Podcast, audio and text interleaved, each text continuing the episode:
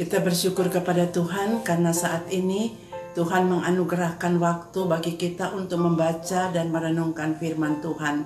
Namun sebelum itu mari kita berdoa. Tuhan kami bersyukur untuk saat ini. Kami mohon pertolongan Tuhan dikala kami akan membaca dan merenungkan firman-Mu. Diberikan pengertian kepada kami oleh roh kudus sehingga kebenaran ini menjadi kekuatan dan pegangan hidup kami. Dengarkan doa kami dalam nama Yesus kami berdoa dan bersyukur. Amin.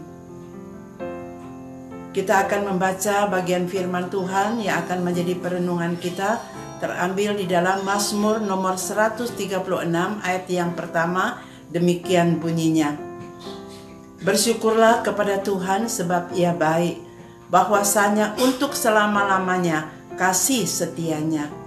Saudara, Mazmur 136 ini adalah berisi ungkapan syukur dari orang-orang Israel dan penganggungan orang-orang Israel atas kasih setia Tuhan.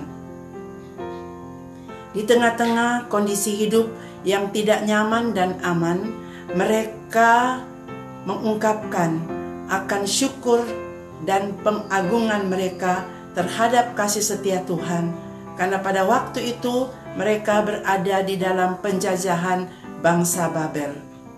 Namun di tengah-tengah kondisi yang seperti itu, mereka tetap mempunyai keyakinan bahwa kasih setia itu adalah kasih setia Allah selama-lamanya.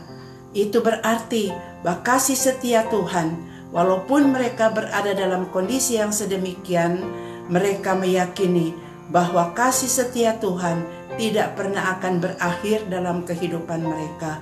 Kasih setia Tuhan tidak akan pernah berhenti atas kehidupan bangsa mereka. Bahwa kasih setia Tuhan akan terus memperhatikan, memperdulikan akan bangsa mereka. Bahkan sebagai umat pilihan Allah, status itu tidak akan pernah hilang daripada mereka. Bahkan tanah perjanjian yang Tuhan anugerahkan kepada mereka adalah tanah pusaka untuk selama-lamanya bagi mereka. Saudara, orang Israel mengungkapkan syukur dan mengagungkan kasih setia Tuhan karena mereka sungguh-sungguh meyakini bahwa Allah mereka adalah Allah pencipta langit dan bumi. Allah mereka adalah Allah yang sudah membebaskan mereka dari perbudakan Mesir, menyelamatkan, menolong perjalanan mereka dan menganugerahkan segala sesuatu yang mereka butuhkan, bahkan tanah pusaka mereka, tanah Kanaan dianugerahkan kepada mereka. Keyakinan itulah saudara yang membuat mereka kuat walaupun mereka berada di tengah-tengah kondisi yang tidak aman, tidak tentram, selalu diawasi oleh bangsa yang menjajah mereka, yaitu bangsa Babel. Saudara, kita pun hidup di tengah dunia yang tidak akan pernah memberikan rasa aman, rasa tentram kepada kita. Walaupun saudara, pandemi COVID-19 itu sudah terkendali, tetapi kita tahu begitu banyak juga berita-berita yang disampaikan kepada kita tentang virus-virus baru yang muncul, yaitu virus hepatitis akut lah, dan kemudian lagi ada virus cacar monyet yang kita tidak tahu kapan itu akan berakhir.